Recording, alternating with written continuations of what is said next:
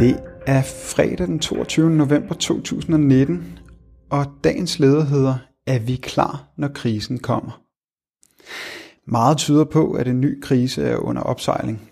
Eller rettere, at den krise, som startede i 2008, og som imperialismen midlertidigt har kunnet mane væk, nu ser ud til snart at brage videre med fornyet kraft. Trods negative renter er investeringer i produktion faldet til det laveste niveau siden krisen i 2008, og kapitalismens hovedlande oplever faldende vækst og faldende industriproduktion. Samtidig udsteder flere lande statsobligationer med negativt udbytte. Alt tyder på, at laverierne, som systemsnækkerne har udført på kapitalismen, vil betyde en bredere og dybere krise end den, vi så udfolde sig i årene efter 2008. I en artikel på Finans.dk kunne man forleden læse, hvordan, den, hvordan dårlige lån, såkaldte NPL, fra det sydlige Europa sælges til investorer i nord, blandt andet pensionsselskaber i Danmark. En risikabel udvikling, ifølge Morten Kongshav, tidligere investeringsstrateg hos Industriens Pension og nu partner i Copenhagen Allocation Partners. Gælden er blevet flyttet sådan, at den går ned andre steder end i bankerne. Hvis de her produkter, altså NPL, begynder at underperforme, så vil pensionskasserne agere som en samlet gruppe og begynde at sælge ud. Så ruller snebolden, og så styrter det, siger han til Finans. Det er altså ikke kun de store banker, der vil falde om kul denne gang.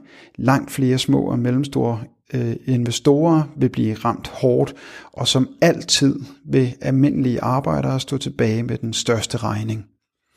Krisen kommer, det er der ingen tvivl om. Om der går uger eller år er ikke til at sige, for som den verdenskendte økonom har Yong Chang forleden sagde til politikken, så er kapitalismen i stand til at køre på en tom tank i et stykke tid. Det store spørgsmål, der står tilbage, er om den revolutionære del af arbejderbevægelsen er klar, når krisen kommer.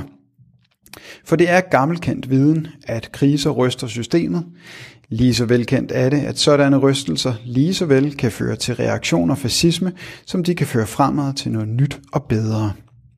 At systemets vogtere frygter for sociale opstande, tales der åbent om, Derfor vil det være naivt at tro, at der ikke arbejdes for en plan B, hvis systemet står over for en kollaps. En sådan plan B så vi tilbage i 30'erne, hvor storkapitalen satsede på fascismen som boldværk mod den sociale revolution. Om den næste krise bliver startskuddet til en social omvæltning eller monopolernes plan B afgøres af, hvem der kan mobilisere den arbejdende befolkning. En revolutionær platform, der kan samle bredt i arbejderklassen, er altså en nødvendighed. Herfra skal der derfor lyde en opfordring til at lægge individualistiske præferencer til side og holde øjnene stift rettet mod de kampe, som kan samle bredt og som styrker arbejderklassen og giver den tro på egne kræfter. Det bliver der brug for, når krisen kommer. Du har lyttet til dagens leder fra Arbejderen. Abonner på vores podcast på iTunes eller hvor du ellers hører din podcast. Du kan også klikke ind på arbejderen.dk for meget mere journalistisk indhold. Du er også velkommen til at følge Arbejderen på Facebook, Instagram eller Twitter, samt tilmelde dig Arbejderens daglige opdatering på Messenger. Vil du i kontakt med Arbejderens redaktion, kan det ske ved at sende en mail til redaktion Tak fordi du lyttede med.